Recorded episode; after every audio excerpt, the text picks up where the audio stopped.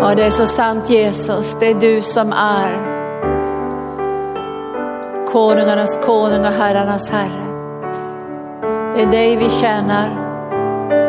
Det är dig vi vill följa, höra din röst och vara vissa i våra hjärtan att frälsningen håller i alla tider, i alla omständigheter.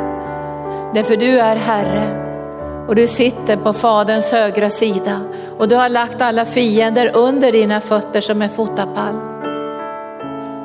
Och vi ärar dig. Det är en sån ära för oss att få tjäna dig Jesus och förvalta himmelrikets hemligheter. Och vi har fått himmelrikets nycklar. Och vi förvaltar evangelium om riket, ett annat rike än det som finns i den här världen. Och jag ber att du ska öppna våra ögon den här dagen så att vi förstår vad vi förvaltar som din församling. Ett rike som inte är av den här världen. För du har sagt här i mitt rike är inte av den här världen. Annars hade mina medarbetare kämpat för min frihet. Men mitt rike är inte av den här världen. För mitt rike är invärtes i er. Och jag ber dig Herre att det rike som är invärtes i oss ska stråla så klart genom hela församlingen. Så vi kan fullgöra vårt uppdrag att hjälpa varje människa att få se vem du är Jesus. Så de kan bli födda på nytt. Och utan att bli född på nytt så kommer vi inte in i ditt rike. Men vi vet att din önskan är att alla människor ska bli frälsta. I Jesu namn, Amen. Tack Oskar, den här sången är så vacker, visst är den Den är så vacker. Den är egentligen, tror jag, från 80-talet någonstans där. Men den är så vacker, den rör ens hjärta. Tack Timo för den här uppmuntran. Visst är det så att Guds välsignelse kan komma till oss på väldigt många vägar. Och Gud öppnar många vägar och är det någon väg som stängs så öppnar han nya vägar. Och det, det är härligt att veta att Guds vägar till människors hjärtan är väldigt många också. Det finns miljoner vägar som Gud använder för att nå en människa med evangelium. Men det finns en enda väg till Gud och det är genom Jesus. Och Bibeln säger ju att om vi söker så kommer vi att finna. Det finns ett löfte att om vi söker så kommer vi att finna. Och nu vill jag fråga idag, är det några här för allra första gången på arken? Där har vi tre ungdomar, som, fyra ungdomar som är första gången på arken. Jättehärligt. Jag heter Linda och jag är en av pastorerna här i arken. Och idag ska jag predika om Guds rike. Det kanske var någon till också som var första gången. Där uppe på läktaren. Jättehärligt. Tack Jesus. Jag sa också att ni som är unga här som kommer från någon skola, tror jag, Blackebergsskolan, ni kommer att få möta Daniel och någon till tror jag som ska prata med er och ni ska få ställa alla frågor. Men om det finns någon annan som är här första gången på arken och vill ställa frågor så stannar jag kvar en stund i kafeterian. Ni har säkert många frågor. Så ska vi försöka svara på dem. Men nu ser vi fram emot att vi ska få bli 300 i lokalen. Vi har satt ut över 700 stolar. Och vi ber och vi tror att den här pandemin snart ska vara över.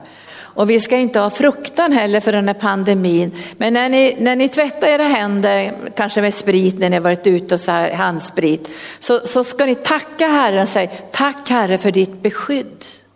Tack Herre för ditt beskydd. Och det här är viktigt att man, man proklamerar att det finns ett beskydd i Jesus Kristus. Så att man inte tvättar sina händer med fruktan utan tack Herre för ditt beskydd. Och vi ber att arken ska få vara en coronafri miljö. Så att människor som kommer hit också ska känna trygghet. Och nu har vi, kan vi sitta på många olika platser här. Idag ska jag predika om Guds rike. För Guds församling förvaltar evangelium om Guds rike.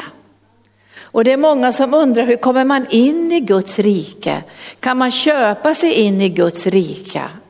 Jesus säger de här dramatiska orden att det är lättare för en kamel att komma in i genom ett nålsöga än för en rik att komma in i himmelriket. För många människor tror ju att bara de är rika så kan de köpa sig saker. Och när man pratar med väldigt rika människor så säger de att lycka kan man inte köpa med pengar men man kan köpa en viss trygghet och frihet. Man behöver inte kolla på de billigaste biljetterna och så här, utan man kan köra första klass. Och, så att pengar kan ju bidra med någonting men man kan inte köpa sig frälsning. Hur mycket pengar man än har, om man kommer med miljoner eller med guld och silver så går det inte att köpa sig frälsning. Därför att frälsningen är redan betald med Jesu blod. Det är väl härligt, frälsningen är redan betald med Jesu blod men vi behöver ta emot den frälsningen och bli födda på nytt. För Bibeln säger att vi kan inte komma in i Guds rike utan att vara födda på nytt. Det säger Jesus i Johannes evangelium till en man som kom honom, till honom om natten och började prata med honom om hur han ville erkänna Jesus som en verklig lärare och en sann profet. Och då säger Jesus, och du Nikodemus ska vara en lärare för Israels folk och du förstår ingenting. Man måste bli född på nytt för att komma in i Guds rike. Och det är det som Guds församling förvaltar i den här världen. Det är kunskapen om Guds rike och hur man kommer in i Guds rike. Man måste bli född på nytt. Hur blir man född på nytt? Jag visste inte när jag var ung hur man blev född på nytt, för det var ingen som sa det till mig hur man blev född på nytt. För Gud har ju sagt i Bibeln att han har lagt evigheten i människornas hjärtan. Alltså en längtan till någonting annat än det som finns i den här världen. För det rike som vi får av Gud tillhör inte den här världen. Det är ett himmelskt rike som kommer in i oss när vi tar emot Jesus som vår frälsare. Och därför måste varje människa ta det beslutet. Även om kompisarna skrattar åt den och föräldrarna blir arga och lärarna tycker att man kastar bort sitt liv när man ska följa Jesus så måste varje människa stå inför detta, säga ja eller nej till Jesus. För Guds rike handlar om Jesus, om en andlig kärleksrelation med Gud som öppnas genom frälsningen. För man kan inte se Guds rike utan att bli född på nytt. Och när vi evangeliserar på gatorna så erbjuder vi ju människor att ta emot Jesus som frälsare. Och ibland säger människor så här, men ni gör det för lätt. Kan man bara be en enkel bön? Från Romarbrevet kapitel 10, om jag tror i mitt hjärta och bekänner med min mun att Jesus har dött på korset och uppstått ifrån de döda, blir jag frälst då? Ska det inte vara många, många tårar och bett bättring och att jag gör olika saker för att visa att jag är värdig den frälsningen. Hur är det egentligen? Då vill jag säga till dig idag att Jesus har gjort den svåra delen, den absolut svåraste delen när han tog straffet på sig, när han dog på korset, bar alla sjukdomar, när han gav sitt liv för att världen skulle bli frälst. För det står ju så älskade Gud världen att han gav sin enda son. Så att var och en som tror på honom ska inte förgås utan ha evigt liv. Så Jesus har gjort den svåra delen och vi får göra den lätta delen att ta emot den här gåvan. Och den är gratis är nåd. Så vi kan ta emot den här gåvan idag om ni ser mig nu på tv eller via data så kan du ta emot den här gåvan. Det är en gåva som erbjuds hela mänskligheten för Gud vill att alla människor ska bli frälsta. Och när jag tog emot Jesus som frälsare så såg jag en otrolig skillnad. För innan jag blev frälst så ropade jag på Gud två gånger. För jag var i nöd. Och då tyckte jag att jag hörde liksom en röst utifrån eller förnamn någonting. Och särskilt starkt blev det när jag misslyckades med mina studier i Paris. och allt var bara mörker och förtvivlan. Och jag låg i sängen på, i studentrummet på City universitet och jag var så förtvivlad. Jag var i sånt mörker. Så jag ropade Gud om du finns, säg någonting. Och då tyckte jag att jag hörde, och hem till Sverige. Jag tyckte jag hörde det. Och sen när jag kom hem till Sverige ett och ett halvt år senare när jag var radikal marxist och arbetade med vänsterrörelsen och skulle möta mina kompisar utanför en kyrka i en stor park. För vi skulle göra någonting inför en demonstration. Troligtvis var det Vietnamkriget som vi skulle demonstrera emot. Och jag stod där utanför kyrkan och så tyckte jag att jag hörde en röst. Jag förnam något som sa till mig, gå in och värm dina fötter i kyrkan. För dina kompisar kommer inte. Och de kom inte heller. Vi måste ha missat någonting. Och jag gick in i kyrkan och där såg jag två killar sitta med uppsträckta händer och strålade av någonting som jag kände igen i mitt hjärta. Evigheten är lagd i människornas hjärtan. Men det blev kamp.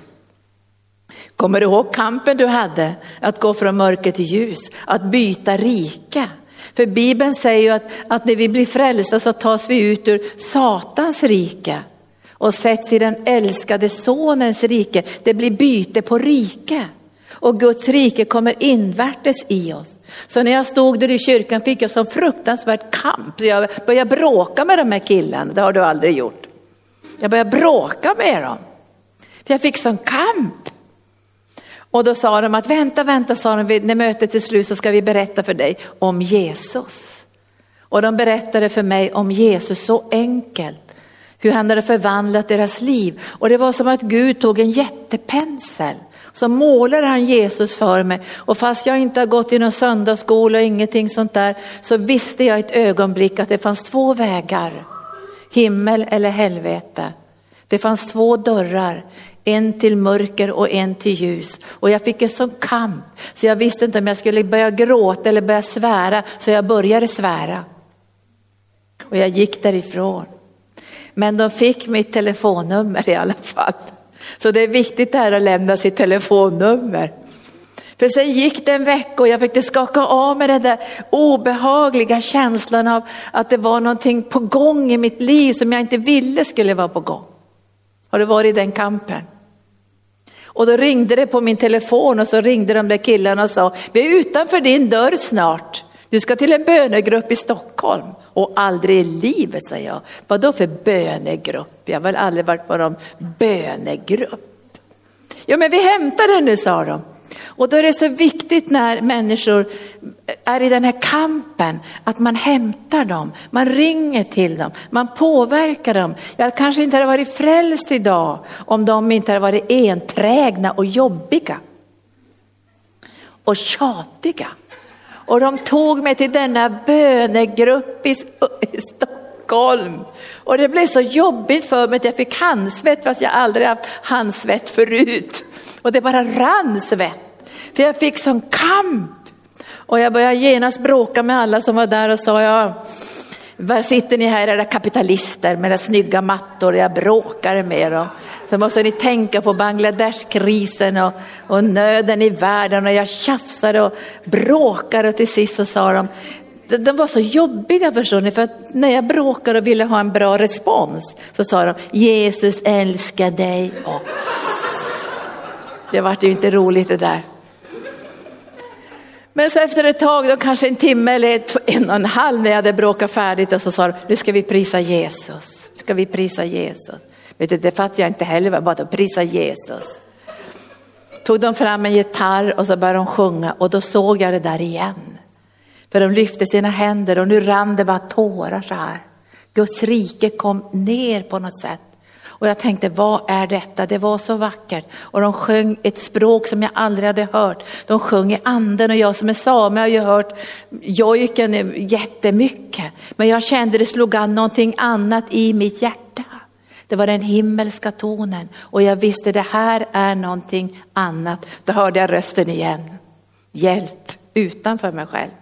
Och då hörde jag Jesus säga, fast jag hade inte läst Bibeln, får jag komma in i ditt hjärta? Får jag komma in i ditt hjärta nu och bli din frälsare. Och jag kunde inte säga nej. Alltså jag satt där, det var som att mitt liv gick i som snabbt eller i ultrarapid och jag såg att jag skulle inte kunna göra färdigt mina studier på universitetet. Jag skulle, jag skulle få börja ett helt nytt liv. Jag skulle följa Jesus på ett sätt som jag inte anade. Alltså jag visste i ett ögonblick det skulle kosta mig allt, men jag skulle få allt. Och jag tog emot Jesus, men nu kommer skillnaden. Jag hörde rösten inuti mig själv. Guds rike är innanför. Och när jag hade bjudit in Jesus i mitt hjärta, som jag tror många av er kommer att göra idag, så kände jag som en ångest. För jag hade ju inte hunnit fixa någonting. Jag levde i flera förhållanden, tyvärr. Två i alla fall. Inte fem, utan två. Jag hade fem män har du haft, men jag hade två förhållanden och det var liksom smutsigt på ett sätt i mitt liv. Och jag tänkte, men nu har jag bjudit in frälsaren i mitt hjärta. Tänk om han flyttar ut och det är så smutsigt. Men efteråt förstod jag att han ville flytta in i mig när ingenting hade gjorts upp. För att han tillsammans med mig skulle kunna leva ett helt nytt liv. Och han skulle få ära. Och det första jag tänkte, han kommer att säga vad smutsigt, vad smutsigt, vad jobbigt det är i ditt liv, gör bättring med det där, sluta med det där, sluta med det där. Jag hörde rösten inuti mig själv och jag hoppas att ni ska höra det, för vi förvaltar Guds rika. Och då hörde jag Jesus säga, Linda, jag älskar dig. Sen grinade jag i två veckor. Alltså jag kunde inte tänka, åh Jesus, jag visste ju ingenting. Och det här är jobbigt när man är ung och kanske för er som är unga också, att komma tillbaka till skolan, till universitetet, där alla mina kompisar var kraftfullt vänsterradikala. Och jag fick säga, jag har blivit frälst. Det lät ju som att jag hade blivit knäpp. Jag har blivit frälst. Jag visste inte vad jag pratade om ens, vadå frälst? Och då jag minns en av mina kompisar blev så sur så han tryckte upp mig mot väggen. Har du blivit frälst? Har du kommit med i någon sekt? Har du blivit tokig? När jag har blivit frälst, sa jag. Var har du blivit frälst ifrån? Ja, det visste jag ju inte vad jag blivit frälst ifrån. Men jag tänkte jag har blivit frälst till någonting. Så jag sa att jag vet inte så mycket än sa jag, men jag vet att det är Jesus och jag har tagit emot honom. Och det har, har med blodet att göra, det har med korset att göra. Men jag var tvungen att göra en liten brasklapp där, att jag berättar mer när jag har läst boken. Och boken kan jag idag, som heter Bibeln. Tack Jesus. Guds rike. Nu ska vi säga något om Guds rike idag. Alltså, Bibeln säger så här, Guds rike består inte i mat och dryck. Alltså det världsliga riket. Utan Guds rike består i andra saker. Och Guds rike manifesterar sig genom dig och mig som har tagit emot Jesus, men allra starkast i Guds församling. Där ska Guds rike manifestera sig, ett annat rike än det jordiska riket. Guds rike består inte i mat och dryck. Vad består Guds rike då i? Rättfärdighet och frid och glädje i den heliga ande.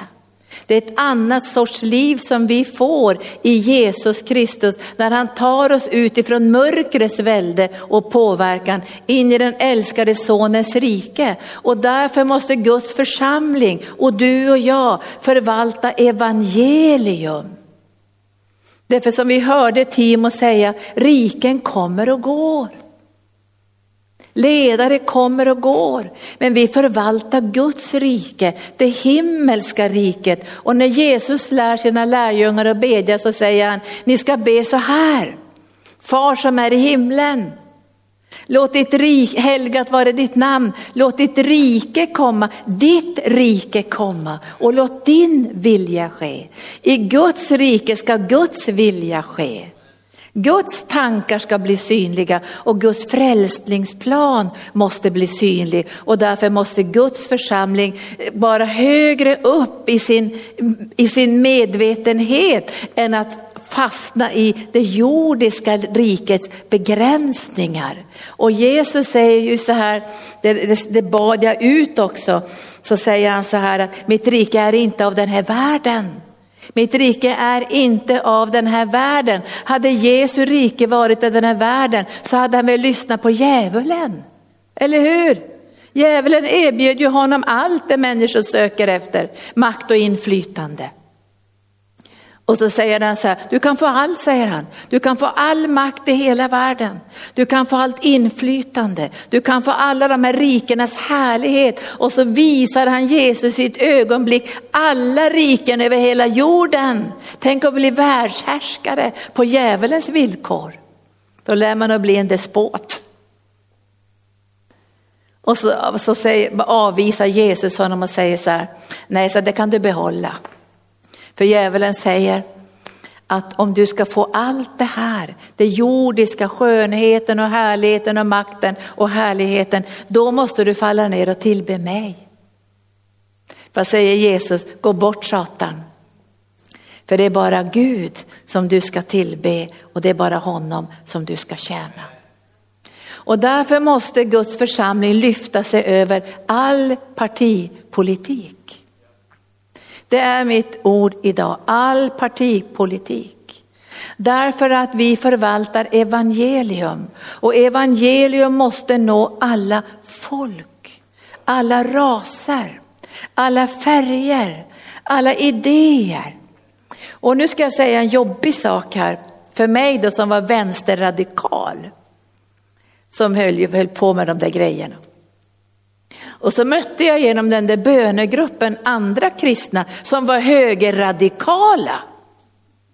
Och en kväll var jag hemma hos en känd sån här profil i Sverige som var högerradikal. Och jag var ju fortfarande väldigt ohelgad och aggressiv. Såklart, jag hade varit frälst kanske i tre veckor. Och vi satt där vid köksbordet och de sa inte nästan någonting om Jesus utan de började diskutera politik. Och den här mannen då som var känd profil, han började säga så här, ja han tyckte det var jättebra att USA eh, hade liksom äntligen kommit igång med kriget i Vietnam. Och vad hände med mig? Jag exploderar ju aggressivitet och kastade mig över borden och tänkte ge honom en rak höger. De tog tag i min arm och stoppade mig. Och jag tänkte så här, måste man, bli så måste man gå på den här vägen för att följa Jesus? Måste jag liksom bli på det här sättet? Men Herren sa nej, jag lyfter dig ovanför allt det här för du ska förvalta evangelium om riket och föra människor till frälsning så de får del i himlen. För det rike som kommer att komma en dag är det himmelska riket där Jesus är Herre.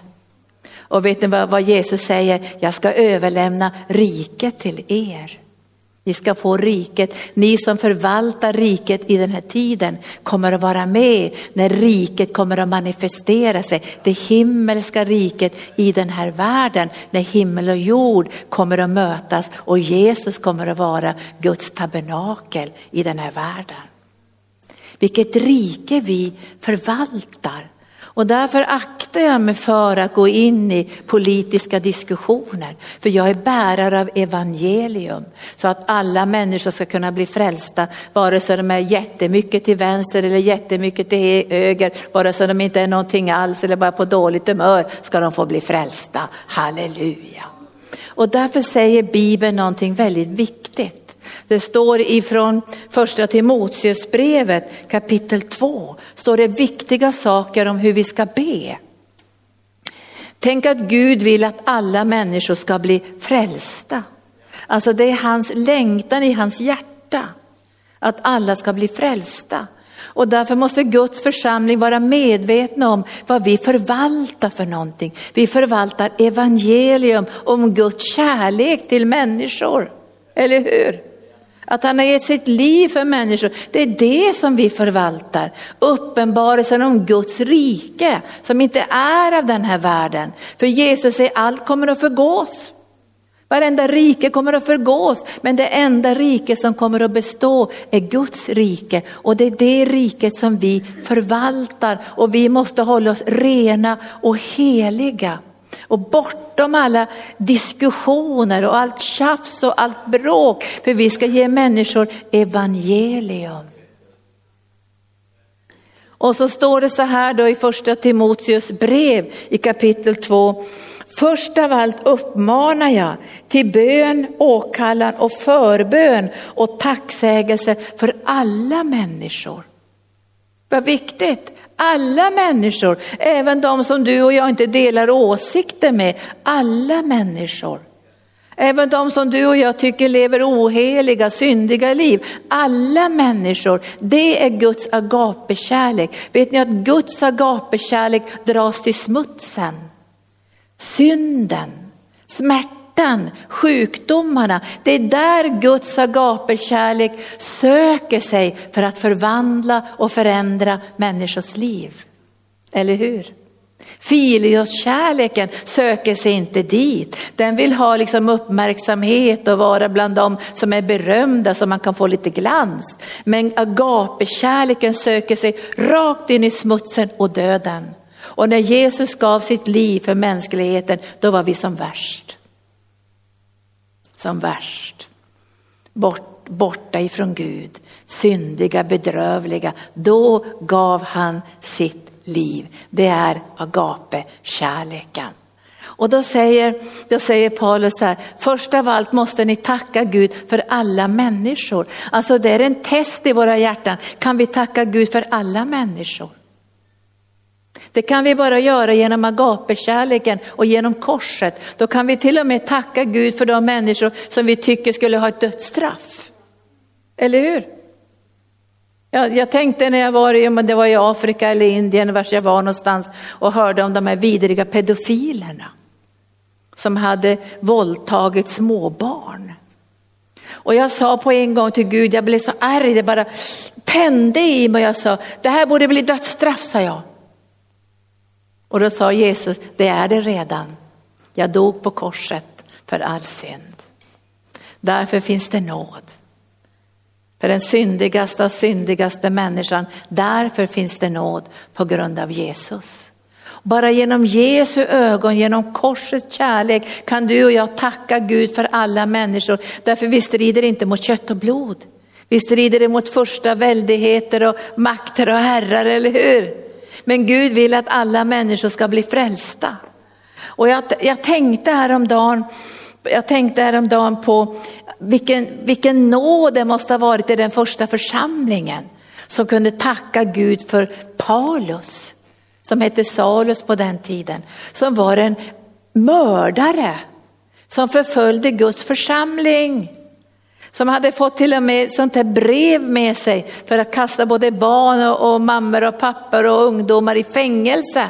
Han njöt när han såg den här vackra Stefanus bli stenad. Då njöt han. Borde inte församlingen ha bett kom eld från himlen och döda honom? Borde det vara en bra bön? Va? Nu får det vara nog på den där galningen Paulus som springer omkring och förföljer Guds församling och dödar de kristna. Nu får du komma med lite eld och bryt helst benen på honom också. Så att han får riktigt, riktigt jobbigt och får känna av det här straffet för sina handlingar. Men nu säger jag, straffet tog han på sig för att vi skulle få frid. Och genom hans sår har vi blivit helade. Och församlingen bad, jag skulle vilja höra den bönen. Och vi tackar dig Gud för Paulus. Kanske de sa denna jobbiga man. Men vi tackar dig Gud för honom nu. Och vi ber, vi ber att han ska få möta dig Jesus och att han ska få bli frälst på ett radikalt sätt. Att han ska genomströmmas av din kärlek, att han aldrig ska bli densamma igen. Att han ska få lägga sitt liv på altarplatsen och få lida för evangelium och få bära bördan för evangelium och, och tjäna det. Så de måste ha bett väldigt mycket och kraftfullt. För när Paulus är på väg till Damaskus för att kasta de kristna i fängelse, då kommer det så starkt ljus från himlen och han faller av hästen. Och han ligger där på marken och så ropar han, Herre vem är du, vem är du, vem är du? Och då svarar rösten, men det är jag, Jesus, som du förföljer. Och han blir blind. Han kan inte se, han stapplar in i staden och då kommer en profet som får ett uppdrag från Gud och hör Herren säga, gå till den där gatan där och så ska du lägga händerna på någon som heter Paulus och han ska bli frälst och få sin syn. Och nu vet ni hela fortsättningen. Paulus har skrivit stora delar av nya testamentet. Vilka böner vi ska be. Och genom agapekärleken kan du och jag be för människor som kommer att få förvandlade liv. Och därför måste vi lyftas ovanför allt det här partisinne och tjabbel och, och, och, allt det här som upptar idag människornas sinnen. Vi förvaltar evangelium och förvaltar inte vi evangelium kommer människor i stora skalor att gå förlorade. Och i, i morse så sa jag till pastor Gunnar, vi måste vaka i arken också över käbbel. För det står i Bibeln att om ett om e-, ett rike kommer i strid med sig själv så består vi inte. Och vi måste vara rädda om det vi förvaltar. Och ibland behöver vi bara knipa ihop munnen. För vi måste vara rädda om det vi förvaltar. Vi förvaltar uppenbarelsen om Jesus, den enda väg till frälsning och evigt liv för alla människor. Det är det vi förvaltar. Och förvaltar inte vi det, då går människor förlorade och därför skäms vi inte för Jesus. Jag är stolt över Jesus. Jag vill följa Jesus och jag sjunger ofta den här sången som jag, när jag döptes också, att om andra tvekar ska jag följa. Ibland har jag fått gå helt ensam, förlora alla vänner. Jag förlorade en man som jag älskade, förlorade allt. Men jag vann allt, för jag hade Jesus. Det såg ut som att det, det gick dåligt och att det, omständigheterna inte var gynnsamma. Men jag visste i mitt hjärta, jag har allt för jag har Jesus. Och det var en tidsfråga. Jag kommer att få nya vänner, jag kommer att få ett nytt liv, jag kommer att få en tjänst, jag kommer att ha betydelse för tusentals människor. Jag visste det, men just då såg det inte ut som det skulle bli någonting när kompisarna stack, när hånet kom, när man kände sig okunnig och nästan på gränsen till att man var lite knäpp när man skulle berätta om Jesus. Och så visste man inte så mycket. Det enda man kunde säga, jag älskar Jesus. Men jag vet inte så mycket än, men jag älskar Jesus och det kommer räcka för er ungdomar. Jag älskar Jesus. Evangelium. Och, och, och, han säger så här, ni måste be för alla människor och tacka för alla människor. Och ni måste också be för, för de, de ledande, om man säger det naturliga riket för kungar och alla i ledande ställning. Och då tänker jag både på andliga ledare i Guds rike men också ledare i, i världen. Varför ber vi för ledare i världen? Jo, därför att Guds rike säger så här, så ni ska kunna leva lugnt och stilla liv på allt sätt gudfruktigt och värdigt. För vi önskar ju att kunna leva i Sverige och kunna föra ut evangelium, eller hur? Vi önskar inte att vi ska få lagar där vi inte får vittna på gatorna som i Frankrike. Eller att vi inte ska få föra våra barn till Jesus. Att få ha kristna skolor och förskolor. Vi önskar frihet för evangelium. Det är det som vi ber över, frihet för evangelium. Och nu när vi ber för Vitryssland, vi har ju en församling där, så är det stora eh, förändringar där politiskt som är på gång. Men vi ber för vår församling, ni måste be rätta böner. Att det ska bli öppet för evangelium. Vi ska kunna predika evangelium på gatorna, vi ska kunna hyra lokaler, föra ut evangelium via media, tidningar. Det är det vi ber om, evangelium.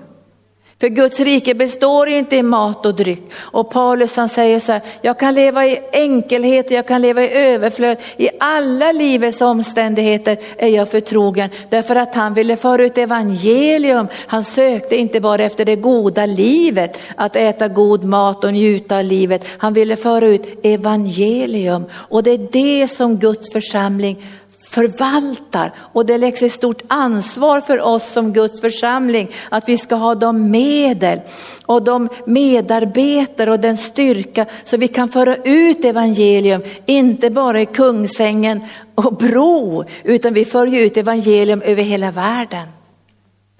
Herren säger gå ut i hela världen, men börja här. Sen tar vi bit för bit, men vi ska föra ut evangelium och vi ska bygga Guds rike. Guds rike blir synligt i församlingen. Vi kan inte bygga Guds rike bara som enskilda individer, utan det här måste göras kollektivt och det är Guds tanke när han födde församlingen på pingstdagen. Guds rike måste vara invärtes i oss. Det är ett osynligt rike som blir synligt i den andliga kärleksrelationen med Jesus. Men det allra viktigaste är, och jag Jag säger till alla som är ute och evangeliserar, be frälsningsböner med människor. Tänk inte att de ska falla på knä och ropa och skrika och skaka, utan be frälsningsbönen. För det allra viktigaste är att bekänna Jesus som Herre. Ta emot honom i sitt hjärta. Det är inte alla som får lika stark frälsningsupplevelse som jag, för det handlar inte om det. Det handlar om vad Jesus har gjort och ta emot den här gåvan. Sen börjar man den här vandringen tillsammans med Jesus och vi får starka upplevelser. Därför när vi börjar vandra med honom så får vi starka, starka upplevelser. Och jag kommer ihåg när jag blev andedöpt, det var en stark upplevelse. Där jag började förstå min kallelse, hur Gud hade kallat mig och utrustat mig för framtiden. Hur jag började se människor bli frälsta och den saligheten att bli använd av Gud.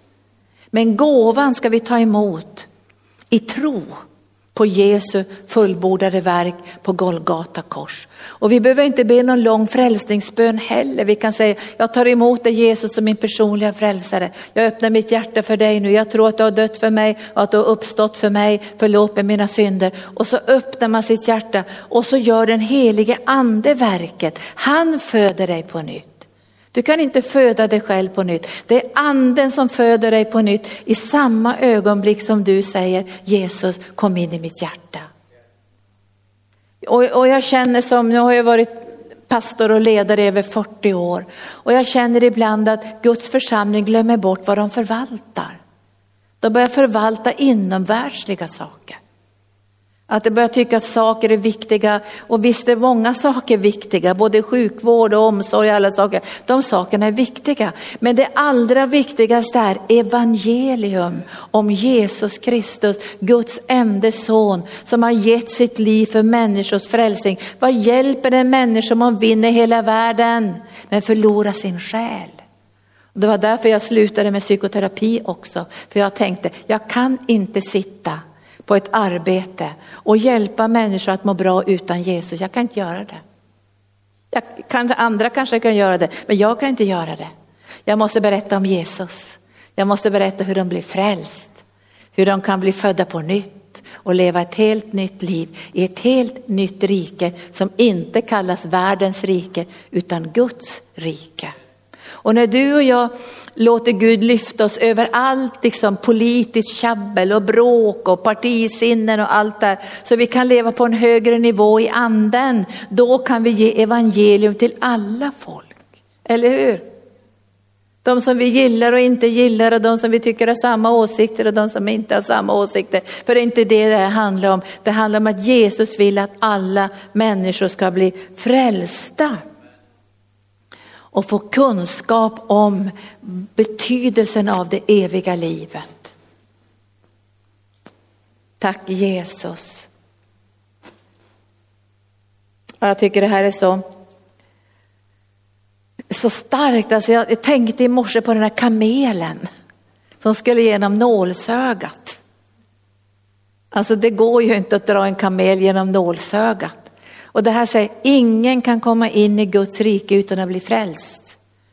Och det handlar inte om att nu ska vi vara snälla och försöka leva upp till lite moraliska regler och så. Det handlar inte om det. För det här handlar om frälsningen genom Jesus. Sen kommer det här livet att utvecklas i relationen med honom. Och det kallas för helgelse.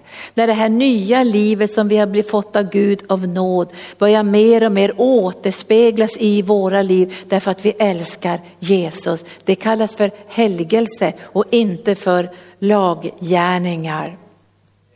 Tack Jesus. Nu säger också Paulus, jag vet precis, han vet vad han talar om, så säger han, Guds rike består inte i ord utan i kraft. Guds rike är inte en proklamation eller en deklaration eller en politisk beskrivning, utan Guds rike består i kraft. Och när vi förvaltar evangelium om vem Jesus är, då kan han mitt ibland oss bryta sönder djävulens bojor. Eller hur? Och sjukdomens makt i människors liv och psykisk ohälsa och allt det som tillhör mörkrets rike. Och jag ska avsluta idag bara läsa det här från Kolosserbrevet att Gud har tagit oss ut ur mörkrets rike. Vi är uttagna ur mörkrets rike och vi har vårt medborgarskap i himlen. Jag, ska, jag har två bibelställen kvar, jag måste läsa det så ska vi avsluta sen. Vi läser först Kolosserbrevet där det står så här. 1 och 13. Han har frälst oss från mörkrets välde. Eller man skulle säga, han har räddat oss från mörkrets välde och fört oss in i sin älskade sons rike. Nu ser inte vi det här riket till fullo manifesterat i den här världen. Men det blir mer och mer manifesterat genom att Jesus får utrymme. Ibland frågar människor mig så här, varför ser det så hemskt ut i världen? Då säger jag så här, därför att människor väljer att synda istället för att älska Gud. Det skulle inte se ut så här i världen om människor skulle älska Gud. Då skulle vi få del i visdom och förstånd, vi skulle förvalta naturen, djuren, allt det här. Men Guds rike ska utbredas över hela jorden genom Guds församling. Och jag säger det här igen, därför måste vi förvalta evangelium. Och när ni skriver på Facebook och Instagram och alla de här sociala medier, förvalta evangelium och skäm inte ut er. Förvalta evangelium. Så att människor får ett styng i sina hjärtan, att de känner igen evigheten eller börjar bråka om vi är vänster eller höger. Vad säger ni? Då kanske ni kommer möta de där som jag var ung och som får en rak höger istället för att man vill följa Jesus. Det kan bli så också. Men Gud ska resa oss upp och göra oss till sådana som förvaltar också himmelrikets nycklar. Han har fört oss ut från mörkrets välde och han har fört oss i sin älskade sons rike. I honom är vi friköpta och har fått förlåtelse för våra synder. Tack Jesus. Och nu Filipper brevet kapitel 3 och versen 17.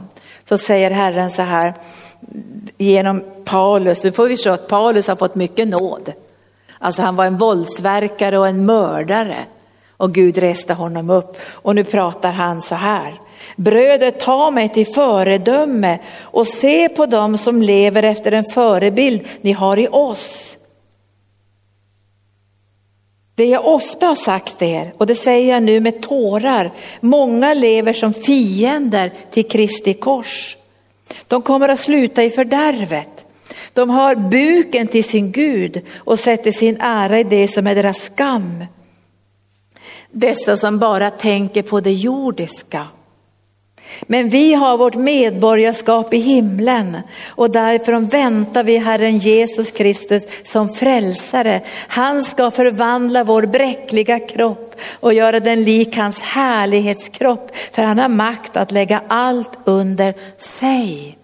Vi är inte ett folk som bara tänker på det jordiska, att få det bra i det jordiska. För det tycker jag är ganska ointressant även om det är intressant att vi har det bra i det jordiska. Men vi har en högre kallelse att föra ut evangelium. Och då kanske det jordiska blir lite begränsat när du åker till Filippinerna eller Kambodja eller Vietnam eller Afrika. Då kanske det blir på ett annat sätt. Men du har inte dina tankar till det jordiska först och främst. Utan du har dina tankar till att föra ut uppenbarelsen om vem Jesus är. Och jag tror att hela skolvärlden, inte bara Blackebergsskolan, utan varenda skola här i Stockholm ska veta vem Jesus är. Varenda skola, varenda unge ska veta vem Jesus är. För att kunna själv ta ställning. Vi kan inte tvångsfrälsa någon. Jag har försökt tvångsfrälsa en, men det gick inte så bra. Det var min syrra. För jag blev så ivrig när jag blev frälst och tänkte Jesus kommer imorgon och hon måste följa med och måste följa med. Så vi lurade in henne i vår hem, hemgrupp då, eller bönegrupp eller vad vi kallar det. Så vi lurade in henne där och tänkte nu ska vi kuppa det hela. Hon måste följa med till himlen om Jesus kommer imorgon. Så vi sa bara ner på dina knän nu, nu ska vi frälsa dig och vi fick ner henne på knäna och vi tvångsfrälste henne. Och hon var sur i flera veckor på oss och sa så det går inte att tvångsfrälsa någon. Det här beslutet måste jag ju ta själv. Men hon gjorde det så tog hon emot Jesus som frälsare. Frivilligt av kärlek till Jesus. Så det går inte att tvångsfrälsa någon men vi kan erbjuda evangelium. Varenda ung människa måste veta att Jesus lever. Varenda äldre människa på vägen i evigheten måste veta att frälsningen är i Jesus. Inga pengar kan köpa frälsningen. Inga goda gärningar kan köpa frälsningen. Den är redan betald, men den är inte betald med guld och silver. Den är betald med Lammets blod. Och det enda du och jag har när vi går in i evigheten, det är Lammets blod. Vi har ingenting annat, vi kan inte skryta om någonting. Vi har bara Lammets blod. Av nåd är vi frälsta. Och sen ska vi komma inför välsignelsens domstol där Gud kommer att visa dig att ditt liv fick betydelse. Det blir härligt. Ditt liv fick betydelse. Så nu ska vi be frälsningsbönen. Och, och, vi ber att vi ber för alla ni som sitter där framför tvn och framför datan och som undrar hur blir man frälst? Så här blir man frälst. Man gör som Romarbrevet kapitel 10 säger, man gör munnens bekännelse, hjärtats bekännelse, bjuder in Jesus, sen gör den helige ande resten och så flyttar Jesus in i våra hjärtan. Då kommer himmelriket på insidan. Det blir en förflyttning från mörker till ljus och Jesus bor i hjärtat och himmelriket finns inom dig. I samma ögonblick som du tar emot Jesus är himmelriket inom dig och du kommer aldrig att dö. Jag läste nu att du kommer att få en ny kropp och det här bräckliga kommer att läggas undan för en helt annan kropp på grund av Jesus. Så nu tackar jag dig underbara, underbara Fader att du sände Jesus och att han har gjort den svåra, fruktansvärt svåra delen. Där han grät i Getsemane i ångest. När han skulle dricka förbannelsens bägare, synden och döden och sjukdomarna. Men han gjorde det för mänsklighetens skull. För att vi skulle få del i välsignelsens bägare och evigt liv och frälsning. Så Rosoria Kedia, nu ber vi till dig Fader genom Jesus Kristus. Vi öppnar vårt hjärta nu för Jesus. Och vi bekänner med vår mun att Jesus Kristus är Herre. Och vi tror i våra hjärtan att han har uppstått ifrån de döda. Och vi välkomnar in honom nu in i våra liv. Och vi ber om förlåtelse för alla våra synder. Och vi tackar dig nu att vi är dina barn. Att vi är födda på nytt. Och att himmelriket nu bor i vårt innersta. I Jesu Kristi Nazarens namn. Amen. Tack Jesus, tack Jesus. Nu ska vi be lovsångarna komma upp. För ibland får man frågan så här, håller frälsningen? Pastor Gunnar han sa en rolig sak, det var kanske inte var så roligt, men han sa, tänk om man har varit duktig hela livet. Och så hamnar man på ålderdomshem när man är jättegammal och precis innan man ska dö så råkar man svära och bita sjuksköterskan i handen. Hur går det då? Håller det här? Håller det? Jag ska säga det håller. Så länge du håller dig till Jesus så håller det. Det håller i uppgångar och det håller i nedgångar, det, kommer, det håller ibland när du faller och det blir jobbigt och det blir mörkt så håller det, det för frälsningen har med Jesus att göra. Och så länge du bekänner dig till Jesus så kan du vara trygg. Ibland frågar människor så här, kan man förlora sin frälsning? Nu har jag tjänat Gud inte i hundra år utan i 40 kanske. Jag har aldrig träffat någon som har förlorat sin frälsning. Men Jesus varnar ju vid ett tillfälle och säger till fariseerna, om ni säger att den heliga ande är djävulen, då är ni farligt ute att häda den heliga ande. För han sa att Jesus botade med djävulen. Att det var samma kraft som verkade i Jesus som var i djävulen. Men jag har aldrig mött någon som har tappat sin frälsning. Men hur kan man tappa sin frälsning då? Då måste man ju vara vid sina sinnets fulla bruk. Man får inte ha en psykos eller ha tagit en överdos eller någonting och är förtvivlad på grund av det. Utan då måste man vara vid sitt sinnets fulla bruk. Så när man skriver sitt testamente så skriver man, jag är vid mina sinnets fulla bruk. Och nu skriver jag mitt testamente och två stycken vittnar. Om jag skulle säga så här vid mina sinnes fulla bruk, jag vill inte ha med Jesus att göra. Jag vill avsäga mig den kristna tron. Jag vill att han ska flytta ut ur mitt hjärta. Då är man i fara att förlora sin frälsning. Men det är många som har sagt sådana dumheter när de har varit deppade. Och en man i Bibeln han låg under en ginsbuske och sa, nu, vill, nu får du döda mig Gud för nu är jag så deppad på allting. Du kommer döda mig nu Gud. Tror du han fick bönesvar? Nej. Han fick inte bönesvar utan Gud reste honom upp istället och fick, och han fick en stark tjänst. Därför jag ska säga det är inte så lätt att förlora sin frälsning om du har lagt den en gång i hans hand. Du har lagt ditt liv i hans hand. Så håller Gud ha en sån omsorg om dig. Det står så här, om jag går och gömmer mig i, i mörker så hittar han mig.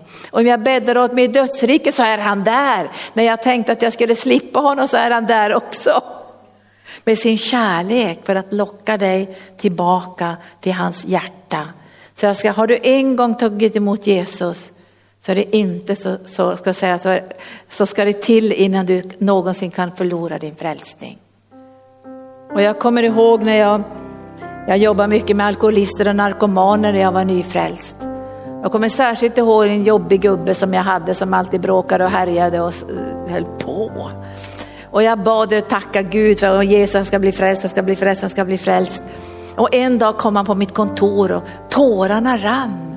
Så sa han, Linda sa han, jag har varit så jättejobbig emot dig. Men i natt drömde jag om dig att du hade problem. Och jag, jag, så sa han, men jag försökte hjälpa dig men det gick inte sa han. Jag försökte hjälpa dig. Tack sa jag, det var jättebra sa jag. Men nu är det ett tecken från Gud, du ska bli frälst. Så böjde vi knä där nere i kontoret och han tog emot Jesus som frälsare och så sa han, han var fortfarande full och påtänd. Och så sa han, men jag hade, drömmen fortsatte, så jag såg att du stod utanför kyrkan med en stor vit vagn och hästar och, och du var på väg till himlen och jag stod utanför och frågade, får jag följa med? Ja, sa jag, det är ett gott tecken, sa jag. Nu ska du förvandlas och du ska låta den helige ande förvandla dig.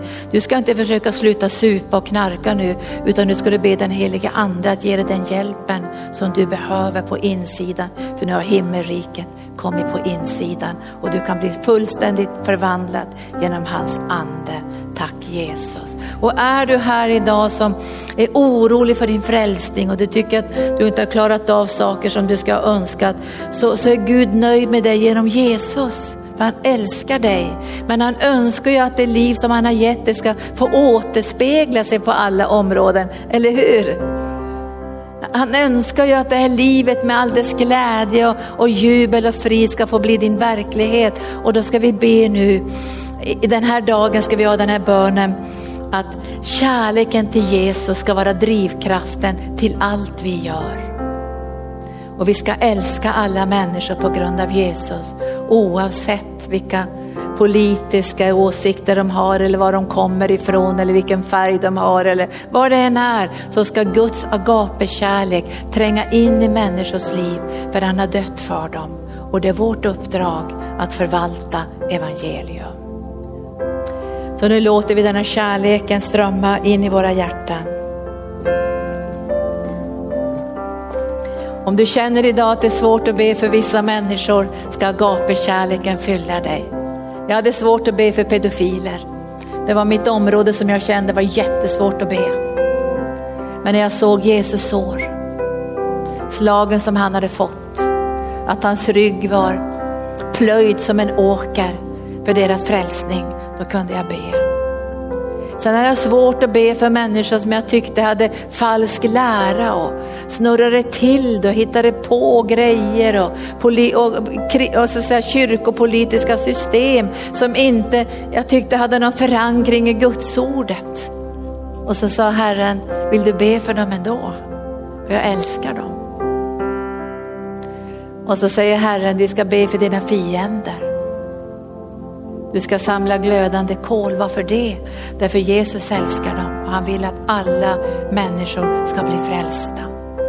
Så nu är det min bön till oss allihopa här i arken och alla som ser mig också via tv att vi ska börja förvalta evangelium. och förvalta det rätt nu på, på alla de här sociala medierna, överallt där du är. Skicka inga förbannelser, utan skicka välsignelser. Låt Jesu blod bara få bryta fram genom sociala medier så människor känner igen den här evighetens vingslag i sina hjärtan. För evigheten är lagd i människors hjärtan. Så nu ber vi om den här kärleken, för utan den här kärleken får vi ingen väckelse. Vi får ingen expansion, vi får ingen förändring. Och den här kärleken är inte filioskärleken, för den räcker inte. Den räcker inte till brottslingar och pedofiler och mördare och människor som väljer pengar och överflöd och struntar i andra människors nöd. Vi måste be för dem också. Och det är bara gapekärleken som kan förändra våra liv. Filioskärleken räcker inte. Det räcker bara en liten bit till våra egna vänner och våra egna familjer. Det räcker den här filioskärleken och det är knappt den räcker där heller. För det blir ganska mycket bråk i olika hem också. Men agapekärleken, Guds kärlek. Så nu ber jag dig heliga ande, den här dagen känns så viktig Gud. Den känns så viktig för hela Kristi kropp. Att vi ska kunna förvalta någonting som är högre och större och vackrare.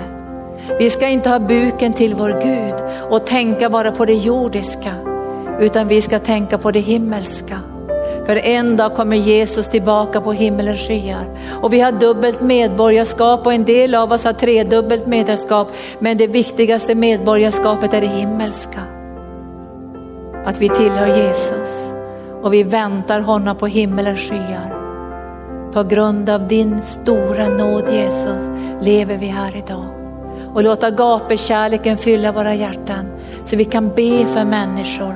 Inte bara pressade böner utan böner som kommer ifrån agapekärleken från dig själv. Och jag lyfter nu hela ungdomsvärlden inför dig.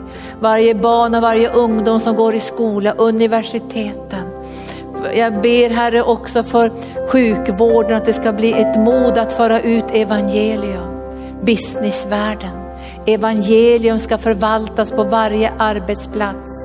Överallt ska människor få reda på hur blir man frälst? Hur får man del i det eviga livet? Kom heliga ande med agape-kärleken. Nu strömmar den över er här på läktaren. Det kommer gå så lätt att be för Guds agape-kärlek kommer att fylla era hjärtan. Det kanske finns en jobbig granne som du ska ha agape-kärleken för. Det kanske finns någonting som du har läst i tidningen som har upprört dig. Hur man behandlar djuren till exempel. Och du känner som vrede över likgiltigheten över djurhållningen i Sverige. Men du ska börja be. Guds rike ska få utbreda sig. Från plats till plats, från stad till stad, från hjärta till hjärta. För lagar förändrar inte människors hjärtan, men evangelium förändrar människors liv.